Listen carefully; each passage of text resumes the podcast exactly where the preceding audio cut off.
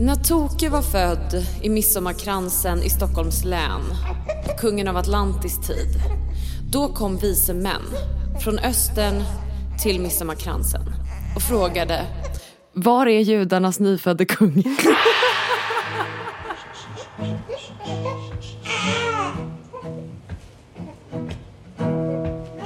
Vi har sett hans stjärna gå upp och har kommit för att tillbe honom. När kungen av Atlantis fick höra det blev han förskräckt och hela midsommarkransen med honom.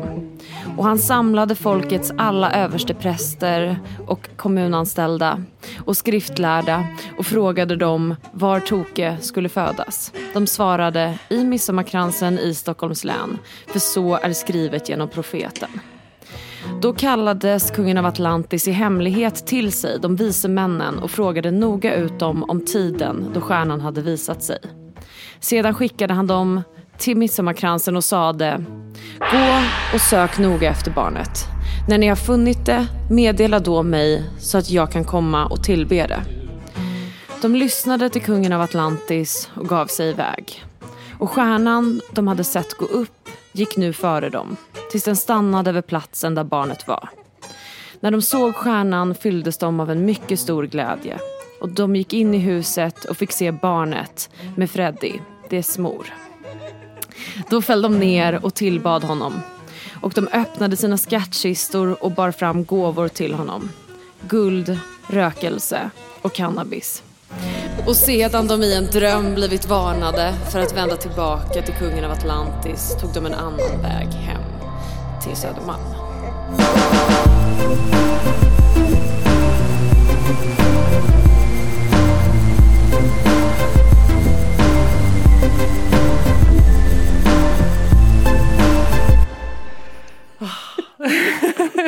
Så svårt att hålla tårarna tillbaka. Nå, välkomna till det här mellanavsnittet av Nåd och hysteri där Freddy har fött sin son Toke. Tidemark Toke är Tidemark är här. Du var inte kroniskt gravid. Jag var inte Det blev, det blev en son. till slut. Hur mår du? Jag mår bra. Jag mår så bra. Mm. det har gått tre veckor sedan han föddes så nu mår jag bra. Ja. De sa på morgonen den 20 februari så sa de att det föddes bara pojkar den här natten på Huddinge och er var störst. Ja, Han är ju en storlek där han ser ut att vara redo att ta studenten ungefär. Han är en enorm bebis. Ah, jag trodde inte att det var sant när han kom ut. Jämfört med vad jag hade förväntat mig var det som att föda en vuxen man. Han klättrade upp längs min kropp och liksom borrade in armbågarna i mitt nyckelben och bara reste sig upp och vrålade i mitt ansikte. Ingenting annat hade kunnat vara mer passande för din son. Det, Det måste vara han så. är en sån liten barbar. Jag får ju skylla mig själv. Han är döpt efter Toke Grå Gullesson, Röde Orms bästa vän i den otroliga vikingaodyssén Röde Orm. Eh, En eh, stor krigare och eh, skald, a.k.a. poet. Just. Så att då får man skylla sig själv att man klämmer ut världens största barn och att det tar 40 timmars intensiv mongolisk strupsång rakt in i lustgasmasken. Min enda faktiskt riktiga note på den här förlossningen är lustgasapparatens fruktansvärda ljud. Det låter som liksom en sån här jättestor jättekall kyl på Ica du vet som bara brummar på med ett väldigt kallt Just det. Jag har själv bara tagit ur ballonger tidigare men det blir lite opraktiskt kanske att sitta där med en ballong. det blir svårt. Det är också man ska få till en viss andningsteknik där man andas in i masken och ut i masken upp till verkens så att säga peak. Och sen ska man andas in normal luft men man måste fortfarande andas ut i masken för att inte göra alla andra höga i rummet. Ja, just. Så det är jättemycket att tänka på. Och så är det det här vansinniga kylskåpsljudet. Alltså det måste någon komma på något mer estetiskt alternativ till. Men du Faktiskt. sjöng dig alltså igenom de här timmarna i, in i masken? Ja det gjorde jag. Mm. Det Och hjälpte hur väldigt var, mycket. Hur var reaktionen från eh, barnmorskor och sjuksköterskor? Supermycket beröm. De sa att jag var så duktig. Att det var en helt perfekt andningsteknik. Jag är väldigt tacksam att det uh, löser sig av sig själv. Jag har provat lite olika varianter av liksom, att smärtstilla sig själv. Bara så här lekt runt och experimenterat lite grann. Jag är verkligen inte särskilt bra på något av det. Men i liksom, eh, transtillståndet av förlossningen så kickade det in någon slags eh, ancestral memory på något sätt. Och verkligen bara, alltså det var helt sjukt. Jag lät som en orgel i tio timmar i sträck. Wow. Eh, så fett. Eh, det är intressant det här med att man hade varit helt jävla tvärdöd om det inte fanns skallmätare. Det här är ju den stora samtalsämnet idag ändå. Vad du har, eh, hur din filosofi, känns ändå som att den har skakats om. På något sätt. Både skakats om i sina djupaste grundvalar och bekräftats helt och hållet förstås. Mm. Eftersom att varandras motsats ibland kompletterar varandra. Just det. Eh, apropå det här med Betlehemsstjärnan. Det fenomenet har ju hänt nu nyligen igen. Det Ja. som var Betlehemsstjärnan som man tror då. Eh, när den förra Messias kom. Var det Saturnus och... eh, Saturnus och Jupiter går in i en tight konjunktion. Alltså står på samma plats på himlen för oss sett. Och det hände på midvintersolståndet, alltså 21 december 2020. Ja. Eh, så trädde Saturnus och Jupiter in i en tight konjunktion direkt in i Vattumannens tecken. Vilket Precis. signalerar öppningen på Vattumannens tidsålder. The Age of Aquarius. The Age of Aquarius. Som vi har väntat. Ah. Äntligen! Det mest liksom, tongivande för The Age of Aquarius är konceptet tes, antites och syntes. Mm. Någonting vi pratar om egentligen ganska mycket Ja. eh, i det här. Att någonting plus dess motsats equals någonting nytt och mer integrerat och mer helt. Mm. Eh, och jag tror att den läxan var jag tvungen att eh, uppleva på fatalt vis helt enkelt. Just. Att, eh, Min psykolog, jag pratade om tes antites med min psykolog som då förnuftigt sa att syntesen är kan aldrig vara någonting beständigt. För att det kommer alltid att skapas en ny antites till syntesen som då gör det till en tes. just det, Eh, vilket var lite eh, tröttsamt att höra. det tar aldrig slut. Nej. exakt, exakt. Men, men åter till, eh, till ämnet hur du då, för det tog ju ett tag för mig att förstå hur illa det hade varit egentligen. För vi hade ju liksom, jag hade ju mest eh, sms-kontakt med din man. Eh, och fick då, men jag förstod inte riktigt förrän jag fick ett sms av dig hur skakad du faktiskt hade varit över eh, det som hade skett och att du inte hade överlevt utan då skallmätarna. Ja. Eh, Tvärnitad av döden. Precis. ja. Så vad är din... Eh, hur skulle du säga att synen på det har ändrats jämfört med innan? För du var ju tidigare, till exempel tidigare väldigt inne på att få föda hemma och så. Mm, såklart. Och det hade ju inte gått, då hade du inte suttit här. Nej, nej, nej. Nej. Verkligen inte. Då hade det varit helt kört. Nej, det som hände var att... Hej. Är du nöjd? Vill du ha mappen?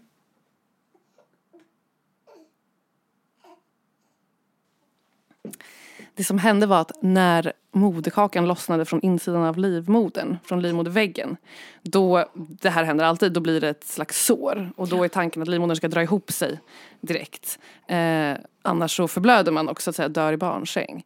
Och min livmoder drog inte ihop sig så att efter den här 40 timmars förlossningen och utkrysslandet av Huddinges den natten absolut största bebis så fick en barnmorska börja boxa mig det hårdaste hon kunde i magen medan de körde in mig i en operationssal. Och jag kände hur jag förblödde och sen blev allting svart eftersom att jag blev sövd.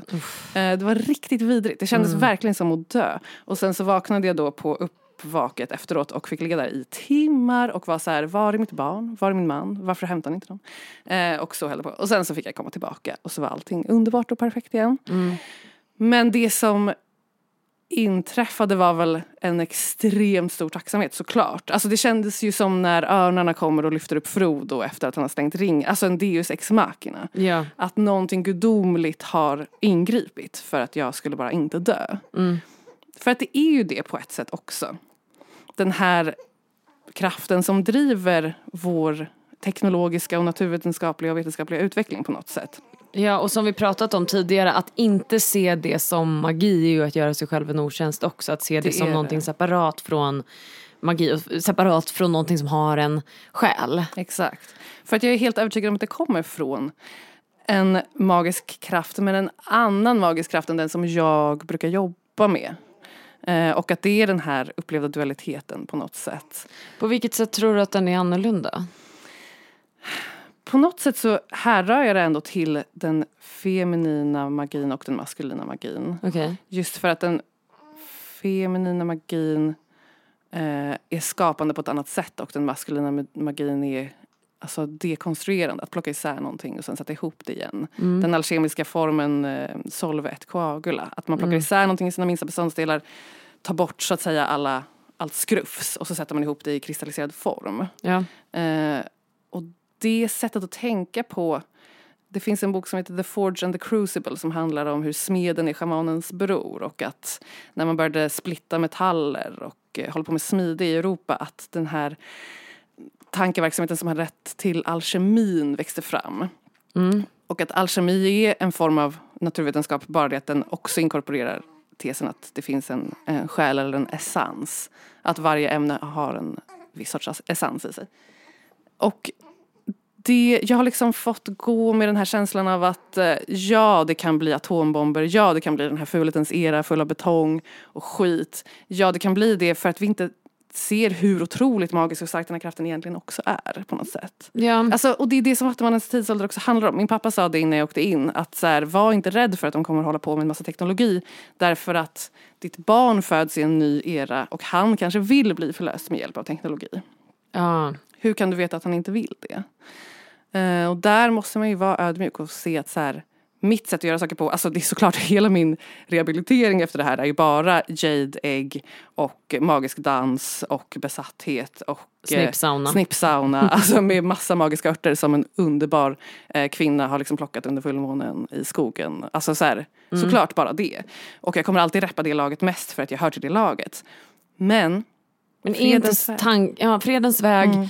Men också tänker jag att inte se det som två olika lag. exakt. Att det ena inte uteslu- utesluter det andra. Jag tänker, För det är det som är problemet nu, att båda lagen går och fnyser åt varandra. När de borde samarbeta. Alltså, verkligen, för jag tänker ändå att det påvisades en enorm så här, vilja till syntes när de då inte var på dig, att du låg och sjöng strupsång och eh, ville ha före dina, liksom, dina ritualer. Och de Exakt. behövde få göra sina och att om man bara tillåter de respektive ritualerna att ske eh, samtidigt bredvid varandra, då uppnår vi ju någonting helt annat. Varför jag till exempel är ett Verkligen. så himla stort fan av läkare som har också blivit typ naturopater. Alltså, jag Mm, ja. gillar verkligen läkare som är utbildade läkare men som sen känner att okej, just inom ramen för att vara läkare på det här sättet inom vården så får jag inte tillgång till att behandla patienter så som jag vill. Men att Mm. plocka med sig den magin med en annan typ av magi, hur ska man uttrycka det, kanske en lite mer ehm, analog magi. Eh, som, eller så här, att- den gamla kunskapen som man fnyser åt för att den, den är gammal bara. Typ. Precis, och jag känner mig alltid väldigt, väldigt trygg när de två sakerna kan eh, samspela. Jag gillar en, någonting som är förankrat i båda världarna för annars kan jag väldigt lätt känna mig eh, alienerad från det om det är för mycket av det gamla. Ehm, och att man, när, ja, men när det fnyses för mycket åt den moderna medicinen eller vetenskapen så ryggar jag tillbaka. Och jag, Rimligt. mm, Ja, jag har tagit det där med så mycket av en klackspark, vilket är ironiskt för att jag hade varit eh, tvärnit av döden för jättelänge sedan ändå om det inte fanns eh, skallmätarvetenskap och män i vita rockar. Eh, jag vet, jag hade blodförgiftning när jag var ett år, hade dött direkt. Om det Ja. inte fanns, alltså så, här, så att man vet ju det egentligen. Liksom. Men eh, Men sen tror jag också, för mig har det där varit en svår balans för att, jag menar inom, på båda sidor finns det ju människor som är inkompetenta, kanske inte nödvändigtvis i sin magi i form av sitt läkande eller att kunna sina saker, men inkompetenta som medmänniskor. ja, verkligen. Och att ha känt sig så utsatt för den typen av övervåld av läkare som ehm, inte vet hur en själ behandlas utan bara Exakt. vet hur en kroppsdel behandlas har ju gjort att jag också har sökt mig, det var väl det som gjorde att jag sökte mig till den andra sidan från början när man har till slut varit hos, eh, jag var till exempel hos en läkare nu i höstas och tog lite blodprover för att jag mådde dåligt eh, och han ehm, ville övertala mig att ätstörningar inte är någonting psykiskt. Eh, och liksom när man måste hamna i sådana diskussioner med folk Vad är det då? Han tyckte att det är en, en, bara en fysisk åkomma, att om du äter tillräckligt mycket så kommer du inte, på rätt sätt så kommer du inte längre ha Oj. en ätstörning. Och det finns väldigt många ätstörningsbehandlingsställen som ju agerar utifrån den principen. Framförallt en då eh, privatägd större koncern som har tagit över och, och liksom de flesta ätstörningsbehandlingshemmen som fanns. Har nu, Mandometerkliniken heter den. Eh, den har tagit över de flesta tidigare existerande. Eh, och, eh, för då var jag först på då en sån klinik som hade, man hade en liten våg med en liten dator under tallriken när man åt. För att man skulle trycka i sin hungersnivåer, mättnadsnivåer. Man skulle äta i rätt takt, man skulle väga upp maten. Man fick ingen annan psykologiskt stöd. Eh, Ja, det är så dåligt det kan bli ju. verkligen. Det är bara att ge ett redskap till någon som alltså, kommer använda det på sämst. Alltså, du förstår vad jag menar. Ja, men det kanske som amningsafasi, men just när man redan är besatt av att typ räkna kalorier så bara, här får du en våg också. Alltså, Nej men precis, och jag vet inte exakt hur jag kopplar ihop det till det här. Jo men det jag tror jag försöker säga är att de tingen, de, den vetenskapen som är magi, skapad ur magi, men som sen går över i händerna på folk som inte har begripelse för en, de, som inte begriper sig på en själ. Och det då ska appliceras av de människorna, då helt plötsligt är man på en väldigt läskig plats. Väldigt. Att de här sakerna från början har skapats tror jag väldigt ofta kommer från en plats av att vilja hjälpa. ja, Men sen kan vinning, alltså pengar, sådana saker komma in i bilden liksom. Mm. Där är också, nu är jag, lever jag ett eh, nytt liv, en ny människa som eh, inte snackar skit om eh, modern vård. Men den enda personen som jag var liksom missnöjd med under förlossningen var sj- självklart förlossningsläkaren. Alla barnmorskorna var ju helt otroliga människor. Liksom. Jätte, gud jag har gråtit i långa varma duschar så många gånger första veckan efter förlossningen av bara så här grotesk tacksamhet mot eh, barnmorskorna. Jag kommer inte ihåg vad någon heter eller hur någon av dem såg ut. Jo jag minns typ hur en av dem såg ut. Men eh, Joppe kommer ihåg alltihopa. Eh, Men vilka otroliga, otroliga människor. Och just under hela graviditeten när jag gått till mödravårdscentralen så har det varit väldigt tydligt att jag och barnmorskan i fråga kommer från varsitt håll. Och att någon slags kompromiss måste äga rum för att jag ens ska kunna vara där liksom. Det kändes verkligen som att det var svårt att uppnå fredens väg då. Men på förlossnings eh, avdelningen när det liksom var dags för det då var man väldigt, väldigt uppenbart på samma lag. De var verkligen på ens lag liksom. Eh, oavsett vad. Sen hade jag skrivit ett extremt psykigt förlossningsbrev eh, bara för att de skulle vara någorlunda förberedda. Eh, som började med att jag är religiös förstås. Eh, vilket såklart ledde till att de eh, efteråt hade sparat moderkakan och så här, stod och pratade med Joppe och var så här, vill du ha den här eller hur? Han bara, alltså inte den sortens religiös. Då." Men det gjorde också att de hela tiden sa så här, förlåt, vi kommer sätta på en till elektrod. Och inte, nu sätter vi på en till elektrod. Eh, och det var väldigt skönt att det fick vara på mitt sätt på det sättet. Sen var det väldigt skönt, alltså de, först, de 40 timmarna som var ren och skär förlossning var verkligen att jag fick göra min grej. Och jag fick jättemycket beröm som sagt, vilket var väldigt skönt. Men sen direkt efteråt så behövde det vara 100% deras grej och jag fick bara eh, överlämna mig totalt i deras händer och vara maximalt hjälplös såklart. Liksom. Och det blev kanske lättare också i och med att du hade fått vara Precis. 100% på ditt sätt innan så kunde det bli 100% på deras sätt sen. så Mm. Det- egentligen är det ju inte det rimligt. en, inte en klassisk kompromiss. Nej. Utan det är snarare liksom, det är snarare den tre, det tredje, Det är snarare tredje det. vägen. Och någon slags syntes. Och det, det kändes också kul för att en av de, den roligaste kritiken som jag har fått av några av de som har lyssnat på de avsnitten som vi har släppt eh, är att när vi pratar om att hålla två tankar i huvudet på samma gång eller att båda alternativen är lika sanna eller sådär att det skulle vara någon slags cop-out. just det. Att eh, så här, det är typiskt religiösa människor att säga att ja, men båda är sant. Och det, jag förstår såklart den kritiken, det är kul tycker jag att det har kommit upp. Eh, men det som jag har upplevt på en djup existentiell nivå nu men som jag också alltid har tänkt är väl liksom att nu kan inte jag så mycket om matte att jag kan exakt förklara det här men kommer du ihåg andra grads ekvationer? Absolut inte. Nej, men det är typ en ekvation som har två möjliga svar Okej. som är lika sanna. Och det är ju en grej att man säger att det kan vara det här eller det kan vara det här. Och i den bemärkelsen så är det såklart en cop-out att säga att det kan vara det här eller det kan vara det här. Poängen är ju att du ska kunna ta båda och sammanföra dem i någonting nytt och någonting helt. Att förena två motsatser i en syntes. Solve är coagula. Exakt. Och jag, det var ju det som hände kände jag under den här vansinniga förlossningen. Ja, och det tänker jag också är att bli vuxen. Alltså det känns mycket mer, apropå som vi pratat om i tidigare avsnitt, att det är vuxet att bli andlig. Att faktiskt kunna hålla två tankar i huvudet samtidigt och sammanföra dem är att bli vuxen. Men, men det är inte riktigt gängse syn. Utan gängse syn känns som att det är att bli vuxen är att ha valt Ja. en åsikt och cementera sig i den. Och jag kan förstå cop-out elementet samtidigt som jag också tror att då måste man titta lite på vilken otrolig kink vi har Mm. för en ensidig åsikt idag. Vi Verkligen. älskar ju det. Ja. Och det sitter ihop med, tänker jag, identitetsprojektet. Liksom, projektet. Mm, att det är mycket lättare att identifiera sig och branda sig själv utifrån en enda åsikt. Mm. För då med det följer en given livsstil, en given moral, en given klädstil, en given allting sånt. Och om man väljer två eller fler så gör det att det inte är riktigt lika lätt att identifiera sig och inte lika lätt att tillhöra. Och där kommer ju de grundliga behoven in. Jag fattar stressen i det i och med att då, i och med att det är en så himla grundläggande mänsklig sak att inte vilja vara ensam. Vi behöver varandra jätte, jätte, jätte, jättemycket. Och idag när det lättaste sättet att få vara med andra är att få vara med samma, folk av samma åsikt. Så är det av våra, för vår överlevnad helt rent nödvändigt att välja. Men jag tror också att det kommer att ändras.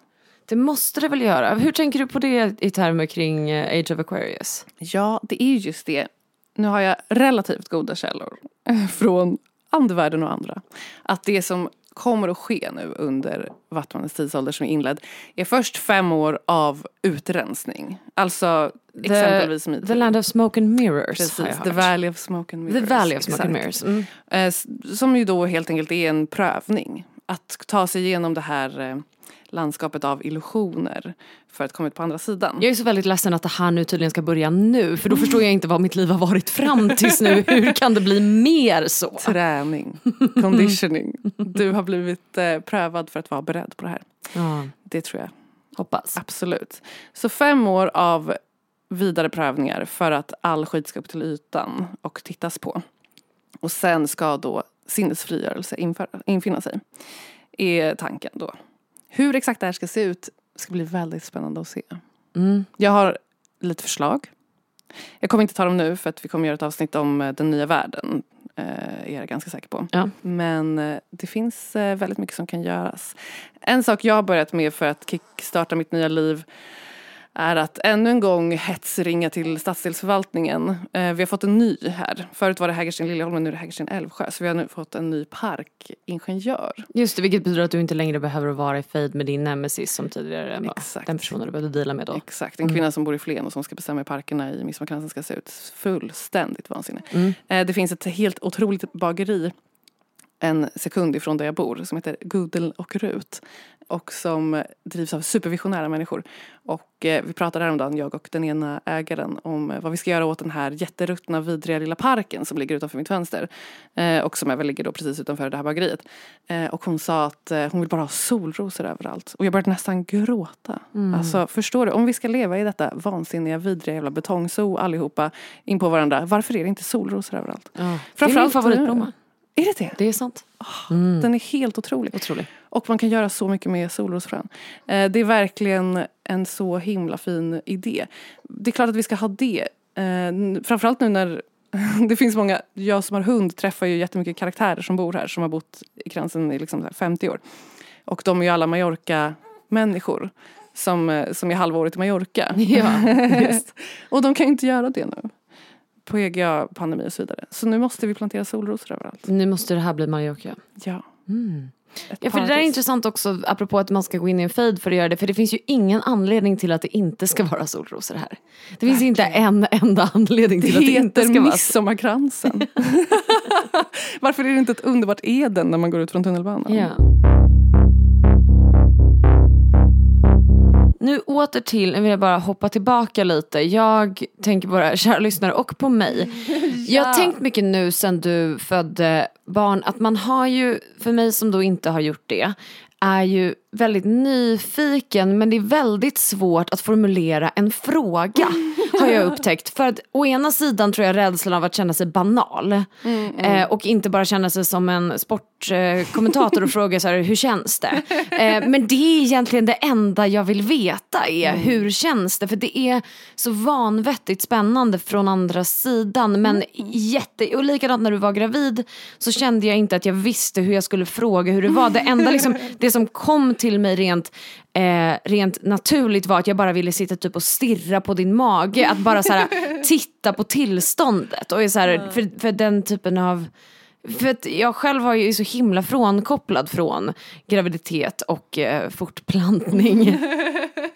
Där jag också spenderat större delen av mitt liv i liksom queera rum. Så har det aldrig varit närvarande för mig. Det har aldrig pratats om och det är ingenting man har liksom diskuterat jättemycket. Och jag har aldrig haft en nära vän som har fött barn innan. Så för mig har det liksom bara varit, jag har liksom tusen frågor och kan inte formulera en enda. Men jag tror att en sak jag undrar är liksom, hur känner du dig annorlunda nu när du är en mamma? Mm, jätteannorlunda. Hur känns det annorlunda?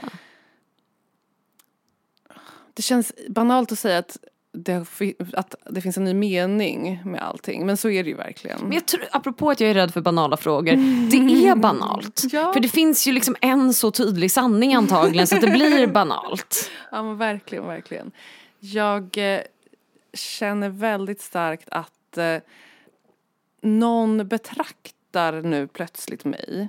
Och alltså det här med spegelneuronerna till exempel brukade min pappa prata om när jag var liten. Att man har någonting i hjärnan som gör att man härmar det man ser liksom, i den mänskliga interaktionen när man lär sig att bli människa mer eller mindre. Det är väldigt uppenbart att mitt lilla barn är en apa. Det, det känner jag så otroligt starkt. När man ser på hans lilla ansikte, allting han gör, det är verkligen en liten apa. Och eh, varje sekund får jag se honom bli mer och mer människa, om man säger så. Och det är ju, han baserar ju det på vad jag gör. Så att det här med att vara någon slags förebild har fått en helt ny innebörd. Allting jag gör finns det en potentiell då risk eller chans att han kommer att göra. Och det förändrar ju allt. För att när det är, så där är det med allting. Att man eh, kan utsätta sig själv för jättemycket skit som man inte kan utsätta någon annan för. Som det vi pratade om innan vi började spela in om när jag eh, eh, släppte in en främling i eh, den här lägenheten. Ja. När, innan jag var gift då så att det bara var min mans lägenhet tekniskt sett. Ja. Och han förklarade att du kan inte göra så här därför att det är liksom mitt kontrakt. Eh, Ja. och så här, ja men du fattar, alltså jag kan inte vara helt gränslös för det går ut över någon annan. Hela mitt liv har jag kunnat vara helt gränslös för att det går bara ut över mig. Ja. Och nu har ju det skruvats upp till helt nya nivåer. Eh, jag var lite så här chockad de första dagarna och eh, min man skrattade så himla mycket åt mig att så här, ah, är det, känner du den här fantastiska känslan ansvar? Som du aldrig någonsin har känt i hela ditt liv. Ja. Och så är det ju. Men det är också härligt. Det har eh, klargjort vissa grejer. Eh, du har ju också börjat läsa Black Elk nu, Ja. Black Elk Speaks. Eh, och en av de grejerna som stack ut mest för mig när jag läste den var just hur barnen får göra vad de vill. Mm. Det finns inga regler för vad barnen ska göra utan de får bara springa omkring och göra vad de vill. Eftersom att de vuxna gör bara praktiska, konkreta, vettiga saker. Så att när barnen blir större och större och större så kan de mer och mer göra det som de vuxna gör och det blir en helt naturlig övergång för att alla umgås hela tiden. Just det, så det blir en typ av självrannsakan att se vad är de sakerna jag faktiskt gör. Exakt. Jag kan koppla det här till mig själv. Det blir ju en liten annan sak. Men jag tänker framförallt på ansvaret för en själv. Att man inte får göra vad som helst mot sig själv. Att nu när jag är i ett förhållande med världens, ja men världens kanske bästa människa. Ah, Jag skulle- verkligen. Up there. jag är ju helt objektiv. Men att för mig som har sysslat väldigt, väldigt mycket med självhat och olika typer av självskadebeteenden så ser jag ju nu att det kan jag ju inte göra på samma sätt för då gör jag ju det mot någon han älskar. Just Och det kan jag ju inte hålla på med. Nej. För det är ju no- jag är ju någon han älskar nu. Och det här låter ju klyschigt och larvigt. Men om man inte riktigt har förmågan att kultivera egen kärlek som jag har haft svårt med. Så blir det helt plötsligt så himla tydligt. Att nu, ja, nu är jag någon som han älskar eftersom jag tycker att han är viktigast i världen så är det viktigast i världen att den han älskar inte gör sig själv ill. Alltså det blir ett utifrån perspektiv på mig Ja. som har varit väldigt behjälpligt. Eh, och för det har blivit lättare att se på mig själv genom hans ögon. Vilket ju kanske lite går emot liksom gängse eh, syn på typ feminism. Att man, det, allting måste komma inifrån från början och alla sådana saker. Men Och att man måste älska sig själv först som faktiskt är en lögn. Jag älskar RuPaul jättemycket men eh, det, det stämmer inte. Nej, för det, att, jag har nog varit mer av den åsikten innan också. Att jag tror väldigt mycket på att du kan inte kultivera kärlek mot andra för att, för att du måste älska dig själv. För annars vet du inte vad en akt av kärlek är. För det börjar med dig. Men det har i alla det fall fått mig att se det har fått mig att se betydelsen av det och det har också fått mig att se, för har man inte speciellt mycket tillit till sig själv så är det väldigt svårt att lita på sina egna instinkter gällande hur man själv ska bli behandlad. Mm. Men när man har någon utanför sig själv som man älskar och helgar mer än allting annat så blir det ganska lätt att begripa vilka ageranden som inte då längre är okej. Ja, och det är ju också bra därför att man släpper sitt ego lite grann. Alltså Ja. på det sättet är ju kärleken en läkande kraft så tillvida att man kan glömma bort sig själv lite. Mm. Alltså att göra taskiga saker mot sig själv är ju också en egohandling. Verkligen. Liksom. Ja men Och, för att jag ja. är men lite så som man, ja, men varför nyförälskelse är så himla himla omvälvande och traumatiskt på många sätt är ju för att helt plötsligt så är jag lite mer som honom och han är lite mer i mig. Det finns det receptiva, liksom det Ja. maskulina och feminina, feminint gudomliga i, i det liksom givande och receptiva. Och helt plötsligt när jag är lite mer honom, då kan jag ju inte skada honom. och Eller det hur? ger ett incitament som jag inte haft med mig innan. Ehm, och jag förstår också att det kan så låta lite som, alltså väl, alltså en typ av beroende, att jag hade inte gjort de här sakerna om det inte hade varit Men för vi honom. alla är beroende av varandra. Verkligen. det är Verkligen. okej. Ja. Eh, det finns en, Lotta Lundgren har skrivit en jätterolig kokbok som heter 10 lektioner i kärlek. Eh, där hon eh, pratar om bekräftelse. Och att bekräftelse har fått ett sånt bad rep. Vilket är helt meningslöst därför att det är jättebra att få massa bekräftelse. ja, verkligen. Hur det här relaterar till dig då med Toke är ju att det inte bara är ett, men ett nytt sätt för dig att se på ditt ansvar inför dig själv utan det här är ju, du blir ju en direkt spegel för vad han kommer att bli och riktigt det ansvaret har man ju inte med en på riktigt fullvuxen person. Nej absolut, absolut. Jag har haft många stunder på morgonen när jag ligger och ammar. Och det kommer över mig att så här, nu måste han vara nöjd först. Alltså Ja. det bara är så. Vad jag vill, ja det får komma sen liksom. Och det är också väldigt skönt. Det är väldigt befriande. Att Mm. få, få släppa. Därför att när det är bara jag som ska göra någonting av min dag och så här, vara snäll mot mig själv genom att typ skriva en ny låt och skärpa till mig. Det är så himla svårt att ta itu med det. Men när någon annan har ett behov som man bara måste deala med så gör man bara det. Ja. Eh, Joppa har ju redan dealat med det där jättemycket med våran hund. Eh, jag har inte varit lika självuppoffrande med henne. Jag har liksom ätit klart min frukost först. Och sen gått ut med henne för att jag tycker att hon kan bara deala med det. Men eh, med en bebis så går inte det. Och det är toppen. Sen så, det, det ska vi också prata om i ett senare avsnitt. Men just varför heterosexualitet inte är för alla. Apropå allt det här. Just att eh, det är en transcendental upplevelse. Jag tycker det är kul att inte det pratas mer om det nu när vi pratar mycket om trans och vad det är. Eh, att vara tillsammans med någon av ett annat kön och leva sig in i hur det är för dem. Och öva sin empati på det sättet hävdar jag är en transcendental grej. Och det tror jag också är en del av den alltså kärlekens läkande kraft. Ja. Att man faktiskt kan göra den liksom självuppoffrande handlingen som är att se någonting från någon annans perspektiv. Och då bli mera hel och inte vara lika fast i sina egna inte vara lika mycket i kontakt med sina egna demoner hela tiden utan det kan bota den grejen lite grann. Liksom.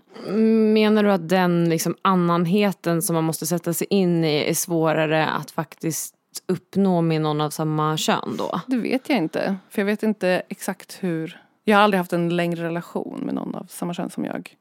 Man kan säkert göra det också. Som sagt, man är mycket större på insidan än på utsidan. Men jag tror att om man har haft en begränsad bild av sig själv som alltså det kön man är så kan man i kontakt med det andra könet upptäcka sidor hos sig själv som man inte visste om. Ja, I min erfarenhet som jag levt båda, i, långa relationer med eh, de båda könen, om vi nu pratar om att det finns två kön. Vi leker med den tanken. Exakt, vi provar den här. Ehm, så är det i alla fall så att det tar längre tid att erkänna annanheten hos den andra i, med någon av, när man är ihop med någon av samma kön. För att det går längre att leva i illusionen att vi är precis samma. Just det. Att det just det. jobbiga uppvaknandet som är att just det, vi är ju inte samma person. Min Mm. vän sa det till mig ehm, att för har, när liksom nyförälskelsen lägger den liksom vansinniga besattheten Mm. är först då man inser att vi är ju två olika människor. Mm. Och jag tror att med någon av samma kön kan det hålla i sig lite längre. Mm. Eh, den, eh, den eh, inställningen att man är samma person. Vilket man ju också på ett sätt mer och mer blir. Så jag vet Mm. inte riktigt hur jag ställer mig till den tesen. Men jag vet i alla fall att det kan ta lite längre tid. Har gjort för mig. I det här med syntesen då, då så har jag tänkt jättemycket på eh, kulturell appropriering på sistone faktiskt. Eh, nu så kan man ju verkligen hävda att jag och min man kommer från samma kultur. Eh, verkligen kan man hävda det. Sen på jättemånga sätt så gör vi inte det. Han kommer till exempel från Bromma eh, och det gör inte jag. Eh, och sen så har han sin släkt ifrån Orsa. Och jag har jobbat mycket på sistone på en tes om att vita människor måste återetnifiera sig själva. För att eh, det här med att nå tillbaka till eh, ett fördomesticerat eh, medvetande det blir så lätt kulturell appropriering. Alltså alla människor som börjar hålla på med yoga kanske eller afrikansk dans eller liksom något sånt för att eh, hitta tillbaka till ett mer ursprungligt tillstånd och inte bara ha på sig kostym och slips. Där kan det vara av hjälp att gå tillbaka till sina egna rötter. Ja. Till exempel då så eh, vi planerar ju att någon gång flytta till Orsa. Men eh, jag kan aldrig ha på mig en Orsa-dräkt. Nej. Förstås. Det skulle vara superolämpligt. Som att du inte kan ha kolt. Precis. Eh, och eh, den enda gången jag har haft folkdräkt på mig var när min pappa var ihop med en norsk tjej. Vi var på 17 maj. Och då hade jag harplingedräkt från min mammas hembygd. Men mitt barn får ha Orsa-dräkt. Och jag får göra hur mycket Orsa-broderier till honom som helst och så vidare. Ja. Och nu är det här inte en stor kulturkrock mellan mig och min man på något sätt. Och den framförallt innehåller ingen liksom akut statusobalans på så sätt att den ena av oss kommer från en kultur som har förtryckt den andra. Nej. Vilket jag förstår att eh, många människor eh, kan ha en, en sån relation där den ena har ett kulturellt arv som är förtryckande och den andra har ett kulturellt arv som är att ha blivit förtryckt. Eh, och eh, för det första de människorna som eh, jobbar med de relationerna är hjältar och borde få mer uppskattning av samhället, tycker jag. Men också att det är ett sätt att jobba med fredens väg. Att ägna lite tid åt de här frågorna. Jag ser så himla mycket omkring mig folk i heterorelationer som bedriver någon slags krigsföring mot varandra.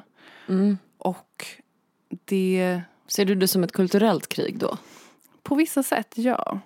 Och jag tror att det skulle kunna hjälpas om man eh, jobbade med sin återetnifiering och eh, just att intressera sig för den andras ursprung på det sättet.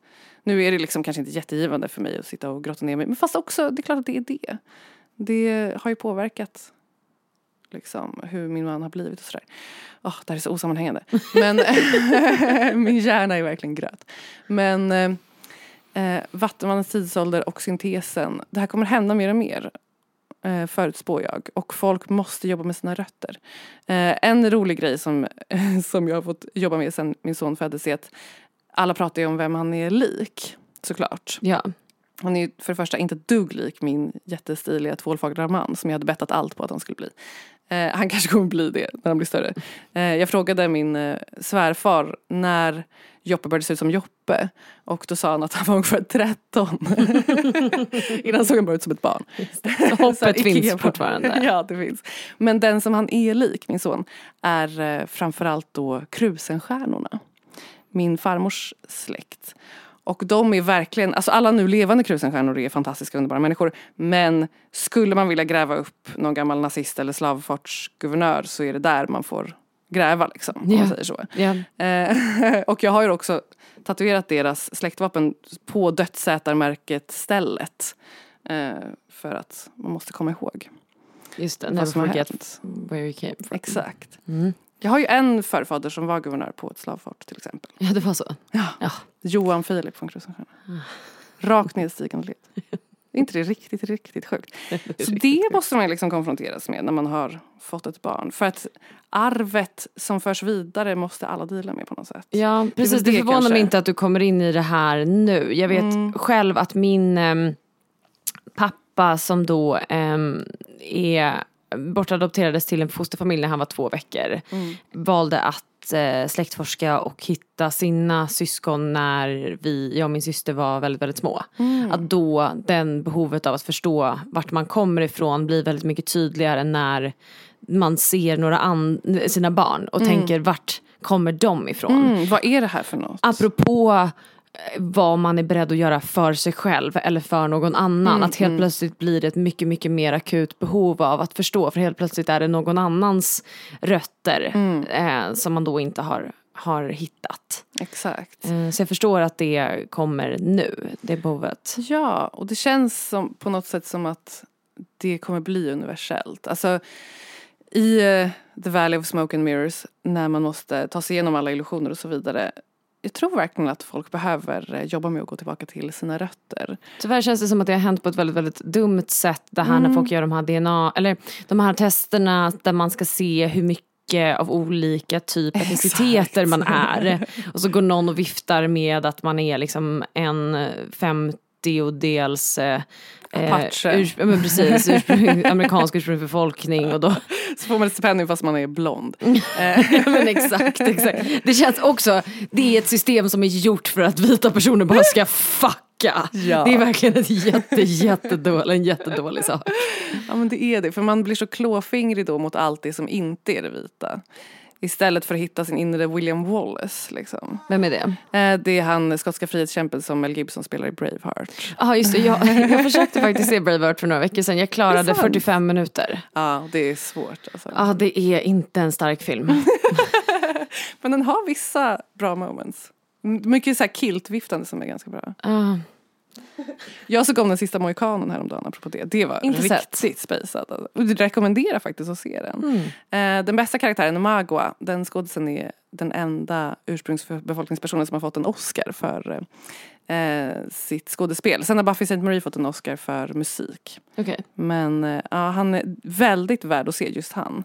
Det är kul. Han framställs i filmen som någon slags förrädare fast man förstår väldigt snabbt att han är uppenbarligen hjälten. Så bra. Det är verkligen intressant att se om. Mm. Daniel Day-Lewis som springer mycket, det kan man spola förbi. Men eh, Har du sett honom springa?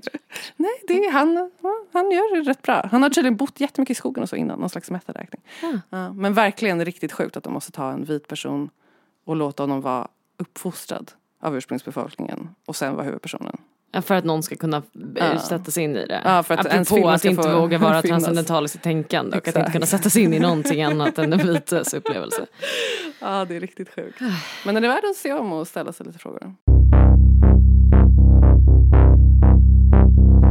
Jag måste snabbt få prata om att vi måste lägga ner med allting. Precis. Jag tänkte just fråga hur du ska ta dig an eh, Vattmans tidsålder. Ja, alltså min initiala tanke just nu där jag befinner mig är att allting måste nedmonteras. Jag är väldigt mycket och har befunnit mig där i några månader men det blev extra akut idag när jag pratade med min pojkvän om eh, sporten paddel. Jag hade aldrig hört talas om det här för övrigt. När ni sa paddla så trodde jag att ni menade paddla en kanot. Just det, nej utan det är som någon typ av hybrid mellan badminton, tennis, squash eh, och Det låter det, vidrigt. Ja, och de racketerna man har ser ut som såna här BDSM, eh, Ah, spanking. spank. Ja men precis, för det Ah. är liksom som en träplatta med hål i bara. Alltså tjejracket i brännboll fast större. Även kallas kärringracket Ja, kommer ja. jag ihåg. det som är bara en planka. Em, ja men något i den stilen. Eh, och eh, det är alltså så att Globen och Älvsjömässan, eh, Globen har redan byggts om till paddelbanor då. Och, Det är så jävla sjukt. Det är det sjukaste jag någonsin... Ja det är väldigt, väldigt sjukt. Och eh, det är nu också snack om att, vad heter det nu, Älvsjömässan ska byggas om till padelhall. Det som tidigare pratades om att göras till ett fältsjukhus under corona vilket jag inte vet om det blev någonting av det. Mm. Nej, men ja. det låter så charmigt, som att folk ska ha dok på sig med ett rött kors. ja, och pensla med jod typ. exakt. Ja, men jag gillade det. Det kändes väl som ett jättebra Ja. sätt att, att eh, använda ett sånt stort utrymme som inte kan användas på annat sätt nu. Men nej, nu ska det alltså bli paddelbanor tydligen. Och som att detta inte var nog så är det tydligen så att trots att det, allting blir till paddelbanor så eh, är det eh, nu eh, så att det är ändå svårt att få tider vilket gör att det finns robotar, ja, nu, nu pratar jag ju som någon som inte kan någonting om teknologi, men någon typ av robot då som går in, bokar de här tiderna och sen säljer då tidsbokningarna dyrt på svarta marknaden. Och min initiala känsla när han sa det här var, nu lägger vi ner. Alltså det här, det var konstigt att det tog det här. Men det här var droppen för mig. Nu vill jag inte vara med längre. Apropå tes och antites så tror jag ju väldigt mycket på att polariseringen motståndet i en polarisering gör att det blir krampaktigt och att du kommer att ehm, lida. Mm, och lägga bensin på elden. Precis, att, att göra ett, ett aktivt motstånd mot det samhälle som är, är en typ av spiritual bypassing har jag ju alltid eh, agerat utifrån. för Det att är jag, sant men ja. det är sant, men det är svårt att låta det fortsätta vara sant när det också är sant att det här, det här går inte längre. Det går Vi inte kan längre. inte hålla på så här längre. Nej. Paddel! Vi borde ha solrosor överallt. Vi borde ha solrosor och inte paddelbanor. Nej. Nej men nästa gång kommer vi börja stänga av avdelningar på sjukhus för att det ska bli paddel. Här behövs inte ett lågstadie, här behövs en paddelbana. Jag är, jag är så trött. Att varför är det så att, alltså jag tänker på Matrix då den här, ehm, han, nu glömmer jag vad han heter, men han den här agenten som dyker upp och så Heter kan... han inte Mr Smith? Jo Mr Smith, precis. Man vill säga Mr Anderson men det är för att Precis. han kallar Neo för Mr Anderson. Exakt, men han heter Mr Smith. Han bara poppar upp och poppar upp och poppar upp. Och det är ju mellanchefer som spelar paddel. Vi lever i Matrix och det, agenterna är paddelspelare. Och jag är jag är så trött och jag är så arg och det, jag vet att det låter oproportionerligt hur arg jag är på det här men det här är liksom symboliken i paddel. Gör mig så fucking trött och det är nu vill jag lämna allting. Ja. Nu förstår jag dig när du säger att det är en spirituell handling att sluta deklarera och inte vilja vara med längre. För nu vill jag inte vara fucking med längre. Jag orkar inte mer. Nej. Jag orkar inte en sekund till. Men du har eh, rätt. Jag tror du har kommit fram till eh, rätt fork in the road så att säga. Det är rätt fork in the road men jag är ändå av övertygelsen om att jag jag måste våga existera här och acceptera att det är så här för annars så kommer allting annat bli ett motstånd och jag kommer att lida. För att lidande kommer ifrån motstånd. Men det finns också ett läge där man måste göra motstånd. Jag tänker på de som eh, eh, får sin eh, heliga mark penetrerad av en oljepipeline till exempel. Och Ja. som går dit och typ ber och lägger sig i vägen för bulldozern. Genast känns ju mina problem lite. Förlåt. nej, nej. Förlåt att jag störde din lilla kamp med de här. Snälla gör det. Någon måste dra ner. Min heliga mark kommer. Tune in för nästa vecka för mer vitkränkt kvinna. Ta ut mig bakom ladan, lägg ett skott i tinningen på mig. Jag har accepterat det. Men, men jag fortsätter. Nej men du är allierad med eh, motståndet också. Alltså ibland måste någon form av motstånd utövas. Därför att ibland kommer det också en gräns. Så är det ju på något sätt. Alltså Ja, ja såklart. även om åh, det är så svårt gå på fredens väg och ändå liksom värna om eh, någonting man tror på på riktigt och inte bara ge upp. Det är Svårt, nästan omöjligt. Men det är väl det som är grejen. Men det är verkligen, eh, alltså det här är också, det här borde egentligen ha varit introt på den jätteosammanhängande snacket om orsadräkten. Men det som är väl, tycker jag, den psykiska sjukdomen som har brett ut sig i Europa och sen har fått spridas ut med hjälp av kolonialism är väl det här härmandet. Att det finns en, någon slags adel, överklass, kunglig klass som alla andra som inte är det ska härma Ja. med sin livsstil på ett eller annat sätt. Att vi håller på så jävla mycket med det. Eh, att de som har kanske lägst socioekonomisk status i samhället ska ha dyrast gympaskor och så vidare. Att det liksom är ett, e- en social teater där man härmar uppåt. Och då blir det det här att robotar måste boka tider som man kan köpa på svarta marknaden för att det är något helt fiktivt som har någon slags statusbetingelse som man då måste få äga och få köpa på något sätt. Ja. Och att motkraften till det måste vara att återetnifiera sig själv, att sluta härma uppåt och att eh, hitta någonting lokalt och någonting som är kultur på riktigt på något sätt. Och liksom gräva i det. Eh, att liksom jobba med parken utanför ens fönster och inte ehm, försöka vara någonting i det stora hela när det ändå inte går. Förstår du vart jag är ute efter? Jag förstår vad du är ute efter, jag förstår inte exakt hur det kopplas till ens kulturella arv. Jag tror att det är tomheten och avsaknaden av eh, eh, community på riktigt som gör att man söker sig till de här paddelbanorna. Liksom. Ja, just eftersom det blir en, en kultur som är för stor. Dels Ja, är den ja. uppåtsträvande men den är också alldeles för vidsträckt. Ja, och det blir fascism när det ska bli, när alla ska ha kostym. Ja, Alltså, det är ju det. Varför har man inte en oändlig myriad av variation? Varför ska allt bli samma? Varför ska alla paddla? Det är Ja. det. Alltså, vi måste gå åt helt andra hållet på något sätt. Men man kan säga att vi båda har haft lite, kanske inte troskris, världens bästa ord. Eh, Men så här, krisiga situationer med tron. Alltså det här eh, knasiga förlossningstraumat, det är ändå ett regelrätt trauma. Alltså jag har verkligen känt mig som att jag blivit påkörd av en lastbil i en vecka.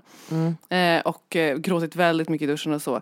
Samtidigt som lyckan är ju så extremt intensiv. Och det, känslan av att man har dött eh, har successivt och liksom ersatts med känslan av att man lever mer än någonsin. Och det har blivit mer och mer eufori liksom.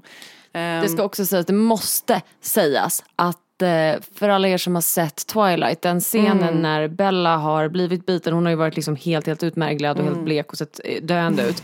Och sen så ligger hon då på någon typ av brits och Mm. sakta, sakta så liksom fyller kinderna ut sig. Hennes hy blir helt otrolig, hennes hår blir tjockt och Mm. fylligt.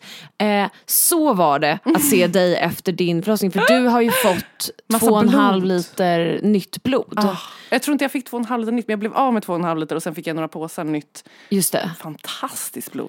Nej men alltså, Alltså- det är helt absurt för jag var ju beredd att du skulle se ut som en kasse skridskor. Ja, och ja, du ser ut som en nyfödd vampyr. Som Alltså, är gjord för att locka in människor. Det är helt otroligt.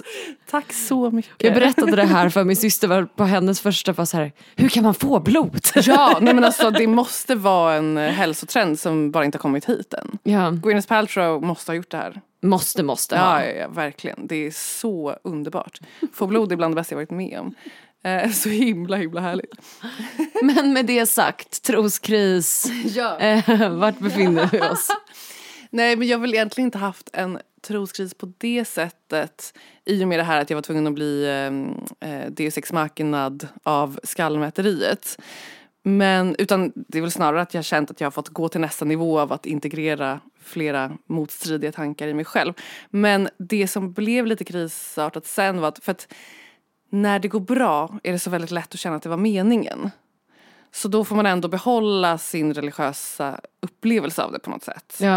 Eh, Men väldigt kort efter eh, förlossningen så var det en eh, väns förälder som gick bort och det var väldigt oväntat och för att det liksom gick dåligt. Eh, naturvetenskapen lyckades inte göra det som den hade utlovat liksom. Och då blir ju allting plötsligt en fruktansvärd orättvis slump. ja. Eller hur? Ja. Det går inte längre att säga att det var meningen. Nej. Även om så här en jätteupplyst människa skulle kunna säga att det var det så blir det så mycket ett hån mot vad som har skett. Ja för det är klart att det mest upplysta i det läget skulle väl vara, vara att ha den typen av fågelperspektiv och se att vi är för små för att förstå meningen bakom det här. Men det är också bara rakt upp och ner ondskefullt. Det är det. Och där är, där är liksom det religiösa eller det andliga livet en utmaning såklart med hur man ska kunna ta sig an det här. Att när det gick bra var det meningen men när det inte gjorde det så finns den grejen inte med. För att det enda sättet att vara hänsynsfull på något sätt eller respektfull mot det som har hänt är att se det som en fruktansvärd orättvis slump. Det är det enda medmänskliga på något Ja. sätt. Och andlighet ska väl handla om att vara medmänsklig ändå. Ja. Och där, den syntesen, vad spännande det ska bli att försöka Ja, nu låter det som att jag tar någon annans tragedi till min egen fördel. Det är absolut inte så jag menar. Jag bara menar att på något sätt måste, måste, måste man inte bli överens. Alltså idén att vi alla måste vara överens för att kunna gå åt samma håll och eh, ta oss framåt är också fascism. Det måste vara okej att man har helt olika upplevelser av alla de här sakerna. Ja. Och det, det är väl det jag menar, hur andligheten ska kunna hålla space för det. Jag tror att den mest andliga vägen här är erkännandet av att man inte vet. Ja, du har rätt. Apropå, för att koppla det till mig själv naturligtvis, naturligtvis. Gör det. ja. Ehm, så har jag befunnit mig i ett tillstånd där jag, jag har en, en åkomma där mina armar och ben liksom domnar och det känns som att jag har sprungit typ ett maraton för, trots att jag inte gjort någonting alls. Det låter som får- verkligen utbrändhet. Precis, jag får mjölksyra i armar och ben. Ehm, och läkare tror att det är någon brist.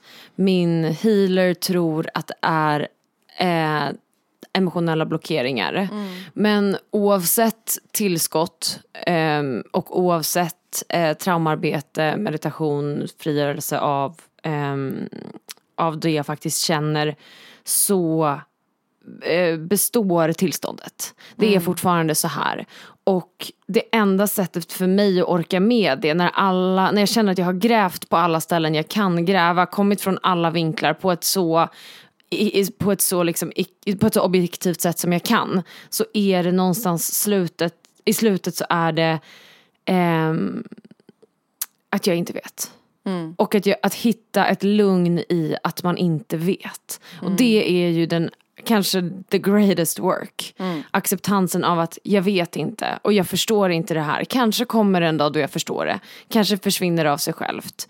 Men som min pojkvän brukar, för det blir alltid värre på, på natten innan jag ska sova och då brukar jag behöva gråta mig till sömns för att det gör väldigt, väldigt ont. Och eh, då säger han, det bara är så här. Ja. Och det... Det är det enda som hjälper. Ja. Att när han, om han skulle säga det kommer gå över eller det här är meningen eller det här är mm, liksom, det här är, du kommer att hitta vad det är. Allt, I allt det finns ett motstånd och i allt det finns en avsaknad av acceptans och i allt det finns inskrivet det är inte okej att det är så här Exakt. Det, behöver, det kan fortfarande vara orättvist. Det kan fortfarande vara en fruktansvärd slump. Det kan fortfarande vara universum som varit vidrigt. Men sanningen, oavsett allt, så är sanningen att det är bara så här. Och att, att inte söka några fler svar. För att allt jag gör är ju att ha letat efter svar.